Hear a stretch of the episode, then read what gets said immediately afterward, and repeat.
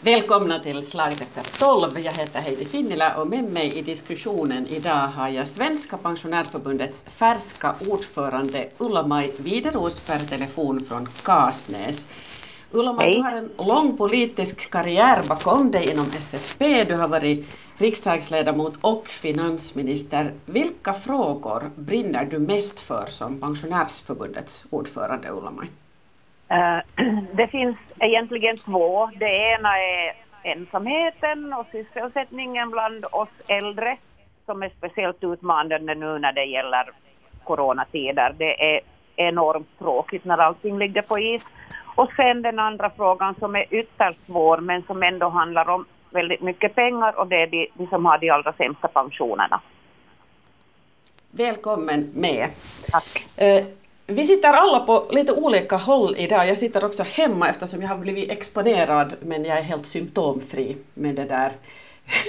Så här är det nu. I studion i Vasa har vi med oss Martaförbundets ekonomirådgivare Matilda Hassel. Du har också en ekonomipodd riktad till unga kvinnor. Du är själv ung men i allra mm. högsta grad intresserad av pensioner redan nu. Hur kommer det sig? Ja, äh, vi pratar pengar på den, eller tanken med prata pengar på den så var egentligen just det här att det skulle finnas en, en riktigt finlandssvensk podd som, som går in på de här sakerna som, som handlar om vår vardagsekonomi och som, och som vi behöver prata om äh, för, för unga, av unga för unga, eh, helt enkelt. Um, jag föreläser också mycket i, i skolor och eh, då har det också därifrån, därifrån också kommit upp att om det är då någon elev som är borta eller någonting sånt här, så då är det ju synd att den går miste om den här vardagskunskapen som vi, som vi delar ut under våra föreläsningar. Så då tänkte vi att nej, vi, vi kompenserar upp lite det också bortfallet med att, att starta en, en podd helt enkelt. Och för de som är intresserade så är det ju roligt att, att ja, visa att det är okej att prata om pengar. Vi, vi ska komma bort från det, att det, inte, att det är lite tabubelagt att, att göra det Um, men också lyfta upp den här, den här långsiktigheten som, som unga skulle behöva kanske träna på lite i, i dagens läge. Men tycker du att unga redan nu ska tänka på pensionen? Absolut. Ju tidigare desto bättre. Um, för alltså uträkningar, alltså ränta på ränta-effekter och, och, allt sånt här så, så, visar ju att, att om du själv börjar, börjar göra någonting i tidig ålder så krävs det väldigt lite av dig för att du ska kunna komma upp till ganska stora summor som sen kan hjälpa dig eh, under dina, dina pensionärsdagar.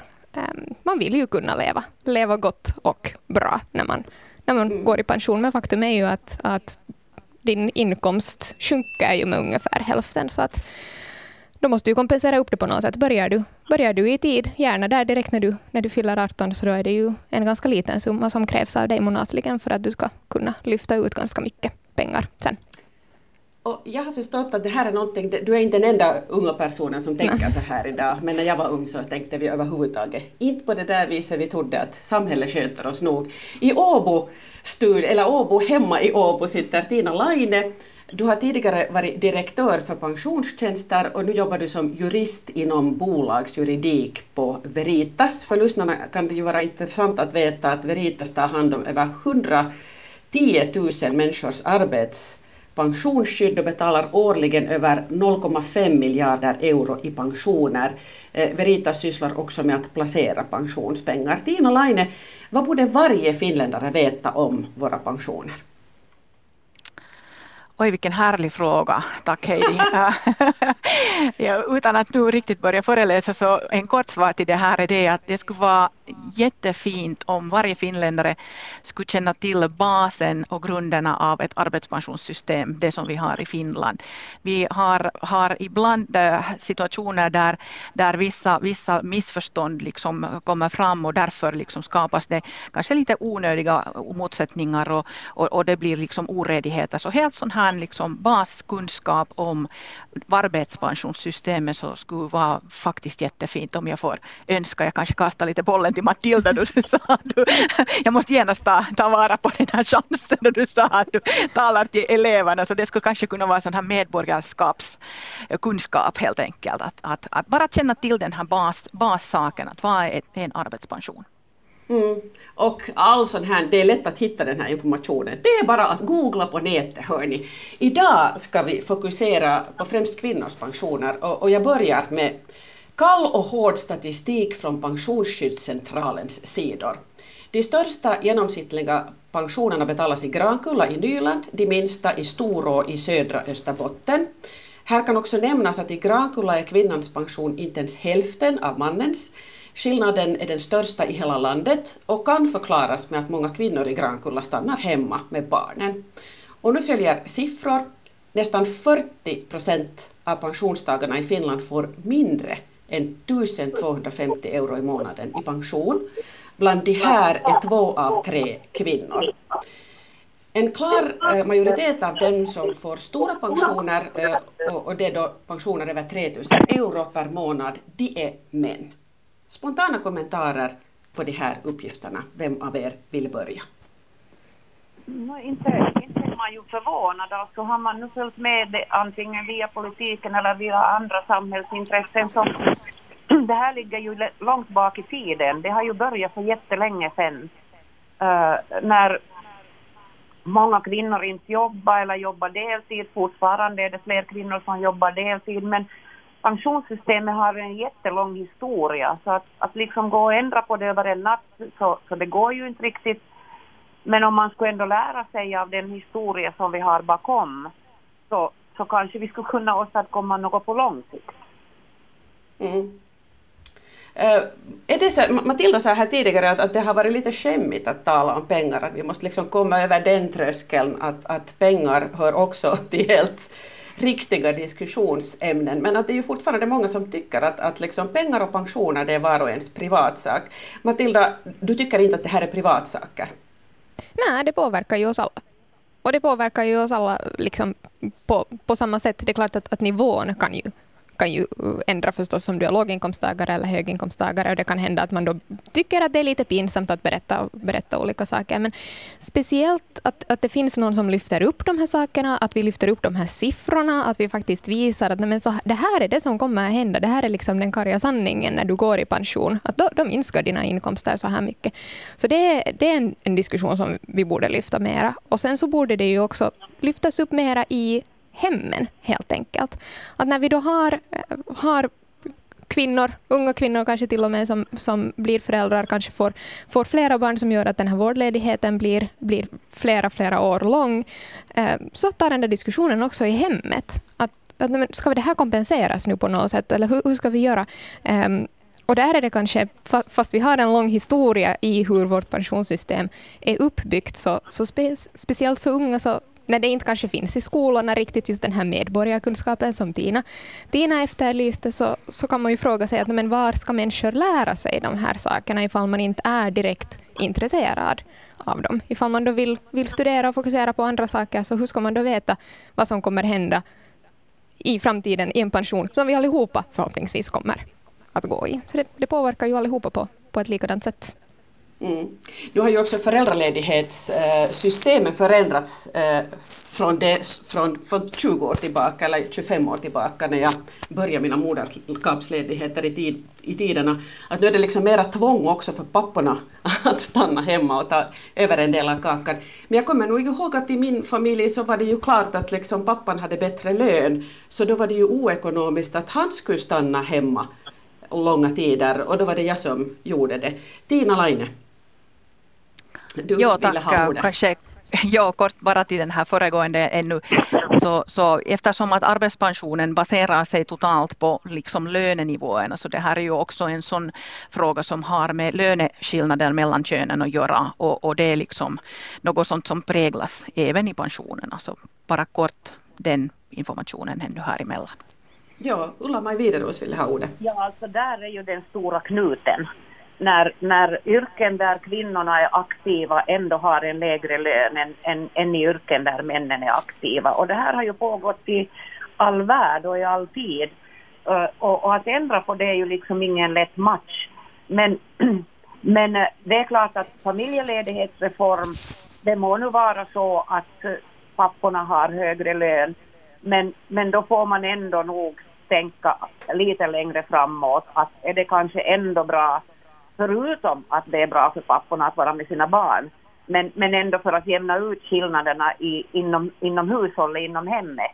Att man skulle ha en mer tvingande reform än vad man har idag. Och jag tror att hela samhället skulle liksom ha nytta av det på sikt. Inte över en natt, men på sikt nog. Mm. Tina Laine, du har en synpunkt på det här. Ja, tack. Och, och, här också kanske det att, att, eh, att trots att det finns den här uppfattningen om att, att den, här, den, den av föräldrarna som har bättre lön så, så att det skulle nu vara den där primära valet att, att den personen stannar i arbete så skulle jag nog uppmuntra igen att, att ta reda på sin egen skydd, ta reda på sina egna omständigheter. För, nu, för tillfället till exempel så kan det faktiskt vara att det ändå inte påverkar ens ekonomiskt så mycket. Så att ta reda på liksom, egen situation, egen familjesituation innan, innan man går och gör de här valen att vem stammar till exempel hemma. Och sen kanske kort också gällande arbetspensionssystemet just då så i reformen 2005 så, så börjar man ju införtjäna även för de här föräldraledigheterna. Det gjorde ju man inte tidigare så, så en liten, liten reform där också som, som bidrar till att det blir lite mer jämnt. Mm, det är en förbättring. Matilda Hassel. Nu har vi ju också en, en, en, en sån här föräldraledighetsreform på kommande, eller den, den, har ju liksom, när den nu trädde i kraft så, så har vi ju, den är ju liksom helt enkelt uppbyggd också för att den ska vara mer jämställd mellan mellan könen för att vi liksom småningom ska också ta oss dit. Men det är precis som Ulla-Maj säger, att det här är ingenting som vi, som vi trollar bort under en natt. Sen ska man ju också ta en sån diskussion och fundera att, att varför är det bara så att, att kvinnor har mera um, lågbetalda yrken. Nu till exempel när vi ändå har, har välfärdsområdesval här på gång så, så kanske det ska också vara en bra diskussion att ta att hur får vi då till exempel vårdyrken att bli mer attraktiva också för män. Och där är säkert det att, att lönenivån höjs en, en ganska viktig del. Um, så jag, jag, tror att det är väldigt mycket som spelar en väldigt stor roll i den här frågan. Um, det att sen kunna att man inom, inom familjerna tar den där diskussionen, tänker jag mera, mera på det att, att då kanske det också kan, kan kompenseras, den som stannar hemma en, en lång tid, så, så kan ju kompenseras med att, att den till exempel får en liten fondplacering. Eh, under, under den tiden, att, att den andra parten helt enkelt betalar in i en fond som då är specifikt också i dens namn som är hemma, så att det inte sen går, går förlorad ifall det kommer någon eventuell skilsmässa eller någonting annat där, där eh, Vilket det senare. ganska ofta kommer. Det är ju mm. liksom mm. hälften av äktenskapen som slutar i skilsmässa och ändå är det ju någonting liksom eh, eh, äktenskapet är på något vis uppfattade som en kärlekshandling men det borde ju i allra högsta grad vara en juridisk handling. Och de här sakerna borde vi kunna diskutera när vi är jättekära och det gör vi ju inte så ofta. En annan sak är ju arbetsmarknadsorganisationerna som jag har försökt intervjua i olika omgångar, olika sidor, att varför, varför, varför liksom jämnar vi inte ut de här utgifterna på, på alla, liksom till exempel föräldrautgifterna, det är liksom arbetsplatserna också som eh, ansvarar för dem så att det liksom inte, allt, inte alltid tas från, det har egentligen inte med det här att göra och samtidigt har det lite med det här att göra, att alla utgifter skulle tas från alla arbetsgivare. Hur, hur ställer ni er här? Att till exempel, ja, Jag tänker hur du menar riktigt, alltså att, att, att arbetsgivarna skulle dela på på det äkta paret. Föräldraledigheternas utgifter så att ja, säga. Ja, föräldraledigheten i all synnerhet. No, det har ju diskuterats ganska länge men det är som du säger att det är arbetsmarknadsorganisationerna som är hindret. Att, att, att man ska kunna om det är så att, att, att mamma, mamma vill vara hemma eller man kommer överens i familjen att mamma ska vara hemma så, så skulle båda föräldrarnas arbetsgivare delta i kostnaderna för det. Men, men, men vi är nog inte där än och jag tror att vägen dit är väldigt lång. Att jag tror nog att andra metoder att, att, att, att ändra på familjeledigheten eller föräldraledigheten, att höja kvinnliga yrkens löner, uh, att, att höja de allra lägsta pensionerna, för där, där har vi naturligtvis också ett problem att de allra flesta av dem är kvinnor som har väldigt dåliga pensioner. Att det, men, men det som jag ännu tänkte säga är att allt det här som vi pratar om nu, eh, så kräver pengar. Familjeledigheten kräver pengar, de lägsta pensionerna kräver pengar, vill, vill vi höja bostadsbidraget för de som har, har det sämst ställt så kräver pengar. Vi landar i slutändan på att någon ska betala.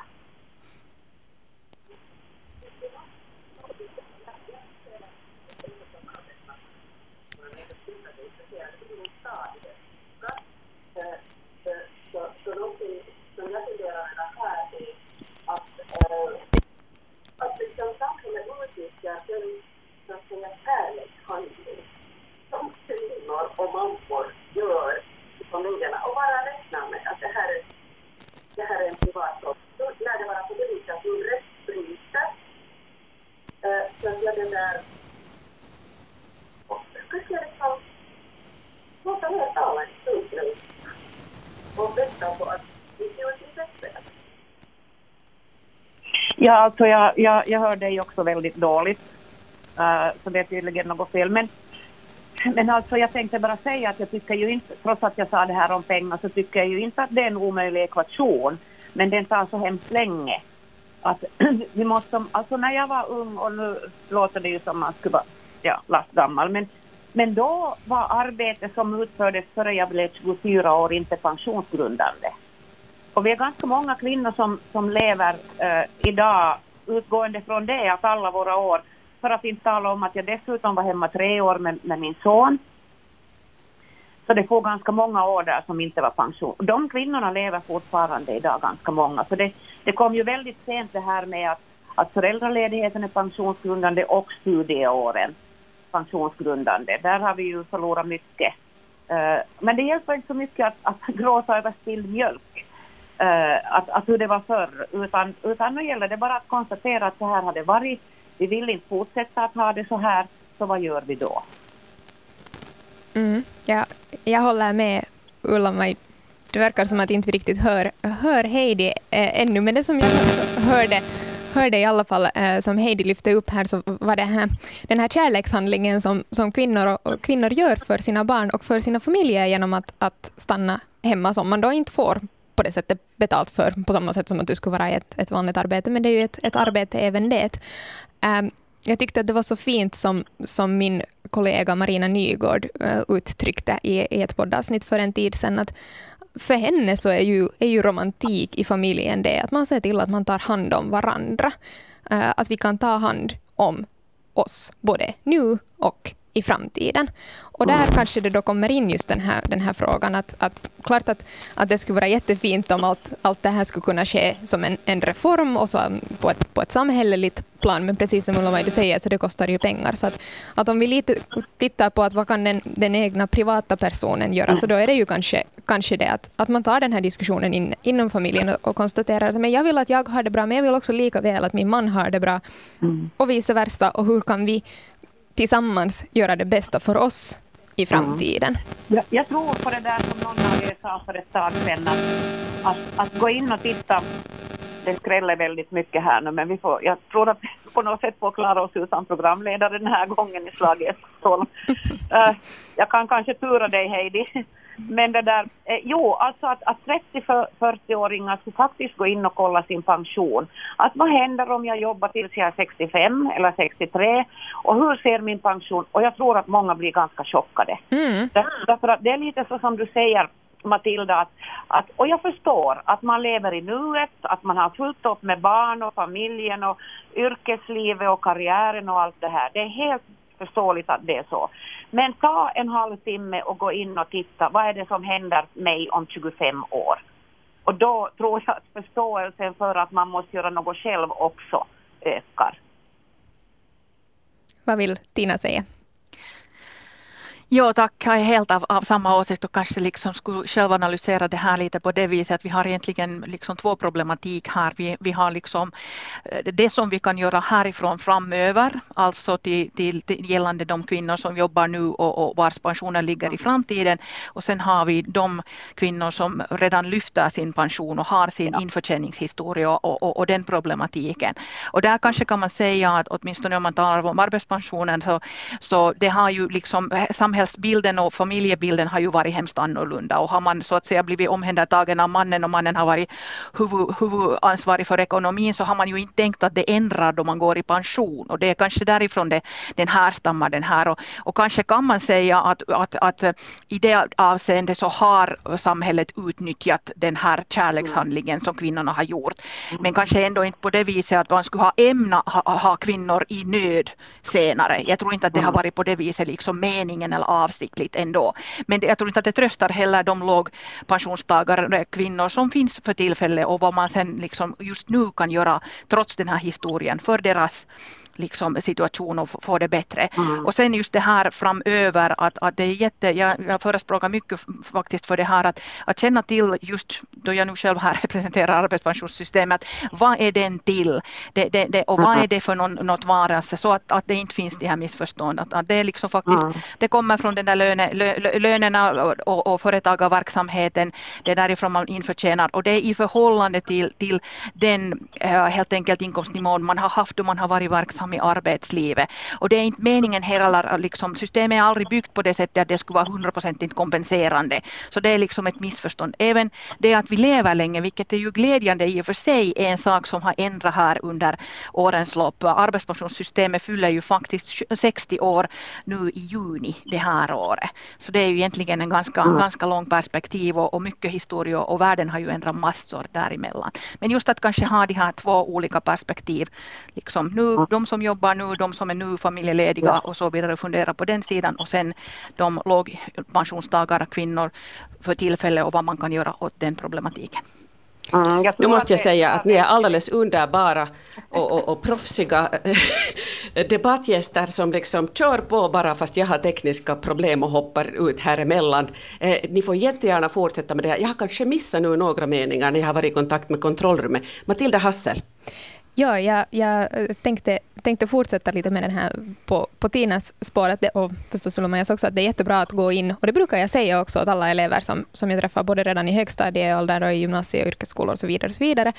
Att gå in och ta en liten reality check på, på arbetspension.fi. Så då, då, då vet ni vad det är som, som väntar er och då kanske vi börjar också fundera på saker. Men det kan jag också tipsa om att, att på arbetspension.fi så finns det ju också en jättebra räknare som visar hur mycket du kommer förlora ifall du är så och så många år eh, hemma med barn. Och om inte, liksom, om inte i sig liksom öppnar upp några tankar hos dig personligen så kanske det kan vara en diskussionsöppnare just i hemmet. Eh, så att man liksom mm. faktiskt pratar om de här sakerna. Hörde, vi har ja, lyssnarna med oss också på Facebook där jag har gjort en öppen uppdatering och här finns en sån här kommentar att tänk på de lågpensionerade som samtidigt är anhörigvårdare, kanske både mm. av sin make, maka, partner och sina mycket gamla mm. föräldrar. Mm. No, det är det som vi pratar om lite, det kanske var en del av det du missade. Det finns liksom två grupper, de som är redan drabbade av det system vi har haft då i 50-60 år och, och som det är jättesvårt att göra något väldigt radikalt åt. Och sen de som Matilda just pratade om, de som är på kommande. Och, och jag tänkte så här att, att det får heller inte bli så att för att man är hemma så ska vi prata om att man förlorar uh, i pension, utan då måste man se till att den tiden som man är hemma med barn, oberoende om man är man eller kvinna, så ska den där pensionsgrundande summan höjas. Det kostar, ja, pengar, men, men, men om vi ska ha någon större rättvisa så måste, måste det vara en del av, av den här lösningen. Ehm, sen skulle jag hoppas att också unga män eh, går in och tittar på, på både sin egen och eh, fruns, flickvännens pensionssituation. Därför att om det är så att det fortsätter på det här viset med kvinnornas pension så kommer ju männen att måste bidra eh, i, i äldre, på äldre år så hemskt mycket mera till familjens försörjning att då, då, då fortsätter den här orättvisan. Så det finns, det finns ju hur många orsaker som helst till att man ska göra något åt det här, också själv. Tack Ulla-Maj Wideros. Här, här, för dem som hoppar in i sändningen först nu så upprepar jag era namn och titlar ordentligt. Ulla-Maj Wideros, Svenska pensionärförbundets ordförande, Matilda Hassel, Martaförbundets ekonomirådgivare och juristen Tina Laine från Företagarnas pensionsförsäkringsbolag Veritas. Eh, lite kalla fakta här igen. För några år sedan gjorde ju Danske banken utredning om ekonomisk sinnesfrid. Och enligt den här undersökningen är finländska kvinnors ekonomiska sinnesfrid betydligt sämre än männens. Eh, och i synnerhet så oroar den förestående pensionens storlek kvinnor betydligt mer än män. Kvinnornas tilltro till den egna ekonomin är svagare inom nästan alla delområden, men särskilt oroliga är kvinnor för att pengarna ska räcka till för, att utgifter eh, för alla utgifter då, liksom, och hur den här pensionen växer kvinnors sinnesfridsindex är 6,2 i Finland. medan männens är 6,6 om vi nu räknar det här i kalla siffror. Eh, hur mycket är det här kvinnornas eget fel? Jag förstår inte hur det skulle kunna vara det. Det är att kvinnor då inte har brytt sig om de här frågorna tillräckligt mycket. Nej men det är väl hela samhället som ska bry sig om det, är ju en gemensam sak. Både att, att sköta barn, att se till att man har en vettig pension på äldre dagar, att se till att servicen i samhället fungerar och så vidare. Det, det kan inte liksom utpekas någon grupp som är mer skyldig än den andra, utan det är vårt gemensamma ansvar, och oberoende om man vill det eller inte.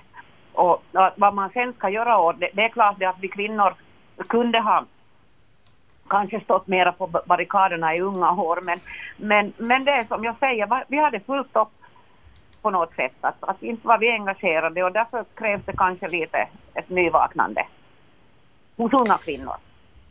Hos unga kvinnor, bra. Och Matilda, du, du, du är en sån. Mm. Ja, tack för den. jag är det. Um, men vilken respons ja. får du? Liksom, känner du att du är lite sådär ensam eller är det här en generationsfråga att ni yngre kvinnor kommer att fixa det här bättre än, än vi äldre? Jag tror att vi här också kan, kan dela in dela in den, min generation i, i kanske två, två grupper. Vi har, har de som är väldigt medvetna om det här. Vi har de som, som placerar pengar redan från tidig ålder för att veta att de själva ska kunna kompensera upp den pensionen som de kommer, kommer få sen den dagen som de kan gå i pension. Det vet vi ju inte hur stor kommer vara. Det är klart att vi kan beräkna den och hoppas på att den kommer, kommer vara ungefär de siffrorna, men vi vet ju inte vilket pensionssystem vi kommer ha om 40 år. Um, och sen så har vi den, den gruppen som inte överhuvudtaget har någon aning om det här. Så här, här är det väldigt mycket den här, den här liksom att, att, vet du, har du fått lära dig eller har du inte fått det? Har du, och då är frågan här också, att ska, du, ska du behöva läsa på själv om de här frågorna? Eller ska det här vara en, en typ av det här som Tina eh, efterspråkar, den här medborgarkunskapen som ska finnas, liksom, att, att man faktiskt vet om hur man ska ha hand om sina pengar och hur påverkar de här olika sakerna eh, mig och min framtid helt enkelt, den här långsiktigheten. När man sen pratar med, med unga så har ju nog allihopa ändå samma åsikt, att men nog vill vi ju alltid att vår levnadsstandard med tiden ska kunna höjas. Vi vill att, att vi ska kunna må bra när vi går i pension och, och vi vill kunna resa, vi vill kunna eh, ja, men, leva på ett bra sätt helt enkelt. Och sen när man börjar då visa de här siffrorna så blir det liksom just den här, det här uppvaknande för, för många att oj då, att jaha, att jag kanske måste göra något, men hur ska jag ens börja göra någonting? Då, ja, därifrån måste man kanske ta den där, den där diskussionen och helt enkelt inse att det finns ja, två olika grupper helt enkelt. Mm. Ulla-Maj Wideros, du sträckte upp handen. Nu hör vi inte dig, Ulla-Maj. Got to love these tekniska problem, men, men det där, vi, vi håller huvudet högt här.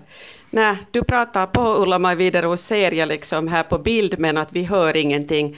Kanske det där, eh, du försöker ringa eh, studie... Nej, vänta nu, på något vis. Risto i studion, du kämpar jättebra på där med alla våra bekymmer. Oj, dessa coronatider. Tina Laine, jag slänger bollen till dig här nu eftersom jag inte vet vad annat jag ska göra för tillfället. No, tack. Jag skulle kanske kunna ta fast, fast i den här som du tog upp här lite tidigare om, om det här fel, fel, fel och, och, så vidare. Så jag tycker inte att det är kanske riktigt någonting sånt som man skulle börja, börja fundera på och, och, och liksom, liksom diskutera. Och överlag, speciellt i de här tiderna, så tycker jag att vi behöver vara försiktiga med det att, att ha motsättningar. Utan, utan försöka liksom närmare hitta, hitta liksom gemensamma lösningar till saker och ting. Så tycker jag inte att man ska fundera på att är det nu vems, vems fel. Speciellt till sådana saker som man inte kan ens rå över nödvändigtvis vis mera. Uh, det, det är liksom kanske, kanske en sak. Och sen Uh, tänker jag att, att, just det som vi kanske inte riktigt hemskt mycket har, har ännu hunnit diskutera är just kring de här eh, nuvarande lågpensionstagare. Så, så det finns ju en, det här är ju en, en, egentligen så som jag ser det från, från arbetspensionssystemet, så det här är ju egentligen inte ett arbetspensionssystemsdiskussion utan det här är en samhällelig värdediskussion. Hurdana värden har vi? Och, och, och på det viset liksom en, en, en, en ganska stor helhet faktiskt som, som inte kan åtgärdas liksom på, på, på ett enkelt litet sätt utan, utan kräver faktiskt att vi alla liksom deltar i den här diskussionen och, och och, och liksom försöker så att säga kanske sen vara på barrikaderna enligt de värdena som vi har och, och liksom försöka köra vidare, vidare liksom den vägen. Det är jättebra Tina Laine att du säger det, för att politik är ju värderingar i allra högsta grad och det är ju där eh, de politiska åskådningarna ofta skiljer sig. Men sen när det kommer till kritan så handlar politiken alltid om pengar och hur de här pengarna ska, ska fördelas. Um, Ulla-Maj Wideros, har vi med dig i sändningen nu? Eller ja. är det så att vi håller på och kopplar fortfarande? Läpparna rör sig.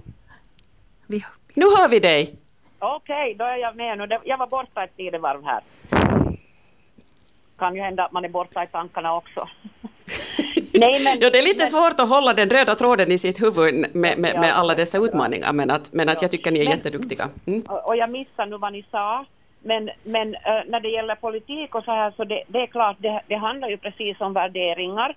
Men det finns ju så många värderingar i samhället, det här är ju en, att vilken levnadsstandard ska vi ha, hur ska vi... Men, men jag måste ju säga att, att när man har när man har jobbat i ett lågavlönat yrke, som ganska många kvinnor gör, så, så är det nog det är jättebesvärligt att gå i pension, rent ekonomiskt sett. Alltså, det, det, ska du bo på ett, ett, ett serviceboende med hyra och betala maten och betala medicinen själv, det räcker inte till, trots bostadsbidrag. Utan anhöriga får hjälpa till och finansiera. Det här gäller ofta kvinnor på landet naturligtvis eftersom många har varit hemma, eh, jordbrukarhustrur och så vidare. Men det finns också andra eh, yrken där kvinnorna har, har, nästan hela sitt liv. Jag tänker på diplomater till exempel så har, har det där eh, man, mannen jobbat och lyft lön och kvinnan nog ställt upp och representerat men inte, inte lyft lön och så vidare. Och, och det tycker jag nog är på något sätt välfärdssamhället Finland där vi internationellt sett jämfört med har jättebra pensionssystem. Det är ju liksom inte uruselt utan det är ändå ett hyggligt eh, system. Så har vi ändå människor som inte, där pengarna inte räcker till när man har arbetat ett, ett, ett liv. Eller, det här var någonting som Eva Ahtisaari påtalade till exempel i någon Just. intervju vill jag minnas. Att hon inte fick liksom en cent för alla de där åren som hon var, eh, hon var liksom eh, diplomatfru. Ja. Mm. Och hade liksom heltidsjobb med det, äh, det, det går inte riktigt att göra något annat samtidigt när man är ute där i världen. Självklart för att man har skyldigheter. Men att tittar vi på, på äldre kvinnor i, i, i, idag så har vi ju också, också kvinnor som helt enkelt nog frivilligt därför att, att, att det egna jordbruksföretaget så har krävt och man har haft barn och så, så har man gjort en deal om att Okej, okay, då kan barnen vara hemma, kanske någon är hemma när man kommer hem efter skolan, när barnen kommer efter skolan och man har delat det här ansvaret med, med, med, med mannen. Och, och, det är det som de betalar för sen i, i pensionsåldern och speciellt de som blir änkor. Vi är tillbaka i det här som feministerna på 70-talet lyfte upp, att det privata är politiskt och, och, och de här pensionsfrågorna är, är, är det i allra högsta grad. Matilda Hassel, vad var din kommentar? Ja, jag, jag tänkte kommentera det, att på, no, på något sätt tycker jag att den här diskussionen lite återkommer hela tiden till det där att, att vi, vi tänker att att männen sen på något sätt ska ta hand om, om kvinnan även i, i pensionsdagarna, men även också så länge, så länge båda två kanske fort, fortsättningsvis är i arbetsför ålder. Vi ska inte heller glömma bort tyvärr alla de parförhållanden som finns där männen inte gör det här. Eh, ekonomiskt våld är en en, en våldsform i Finland som vi pratar också för lite om. Alltså där till exempel männen och jag säger inte att det bara alltid är männen som gör det här mot kvinnor, utan kvinnor kan likväl göra det här mot män. Men till exempel förhindrande av arbete, så är ett, ett typ av ekonomiskt våld. Ehm, det att man inte kanske har egna bankkonton är ett typ av ekonomiskt våld. Och det är sådana här saker som vi också kanske borde ja, men lite normalisera att prata om och lyfta upp på bordet. För att det är ju på det sättet som också de här oberoende ålder ålders kvinnor kan inse att hej, att, men kanske det inte nu var så här som vi hade i vårt, vårt parförhållande som är den där, det där normala, så att säga. Att kanske jag borde ha ett eget bankkonto också och inte bara förlita mig på mannens eller tvärtom, som sagt. Det kan ju gå åt vilket håll som helst. Otroligt viktig fråga som, som du tog upp, Matilda Hassel. Vår tid börjar lida mot sitt slut. Eh, jag skulle kunna fortsätta hur länge som helst, men vi tar och avrundar här nu eh, med, med, med slutkommentarer av allihopa.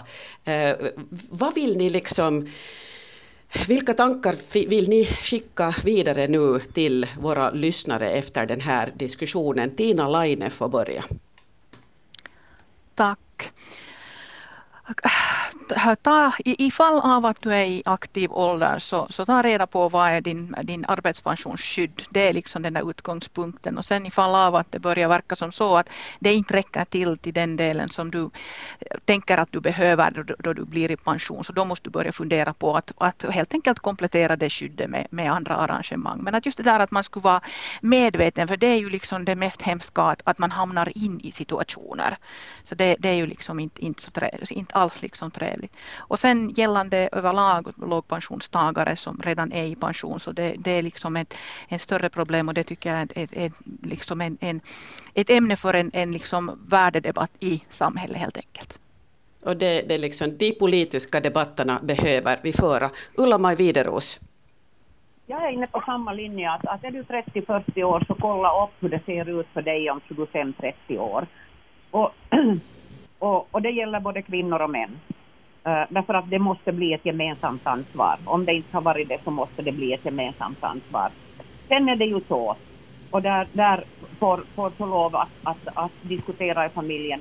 Om du är lågavlönad inom vårdsektorn så kommer du inte att ha råd med fonder och grejer. Och då får den mera högavlönade ta det ansvaret i familjen. Tack Ulla-Maj Wideros. Matilda Hassel. Som sista, sista kommentar till, till lyssnarna så, så vill jag nog lyfta upp det som, som vi på Martaförbundet säger gång på gång på gång. Eh, våga prata om de här sakerna i familjen, med dina kompisar, med dina väninnor, med dina släktingar. För att det är på det sättet när vi belyser de här frågorna som också den enskilda personen, den enskilda individen kan börja gå omkring och fundera på, på de här sakerna. Vi har inte idag i skolorna någon, på det sättet någon som aktivt berättar om de här sakerna. Vi, det, det finns inte liksom någon instans direkt som gör det. Vi försöker på Martaförbundet liksom göra vårt bästa men vi, vi hinner ju inte liksom prata med precis alla ungdomar i hela Finland så det krävs också av, av alla vuxna att prata både med sina föräldrar men också med sina barn om de här, om de här sakerna. Så att vi får det liksom mer normaliserat och får igång det här att va, vad ska jag göra för att jag ska kunna ha det bra i framtiden. Tack Matilda Hassel. Här sätter vi punkt på dagens Slaget efter tolv med spännande situationer eh, och det handlar om kvinnors pensioner. Eh, med i sändningen Ulla-Maj Wideros, Svenska pensionärförbundets ordförande, Matilda Hassel, Martaförbundets ekonomirådgivare och juristen Tina Laine från Företagarnas pensionsförsäkringsbolag Veritas. Jag heter Heidi Finnila. Ni kan lyssna på den här diskussionen efteråt i arenan.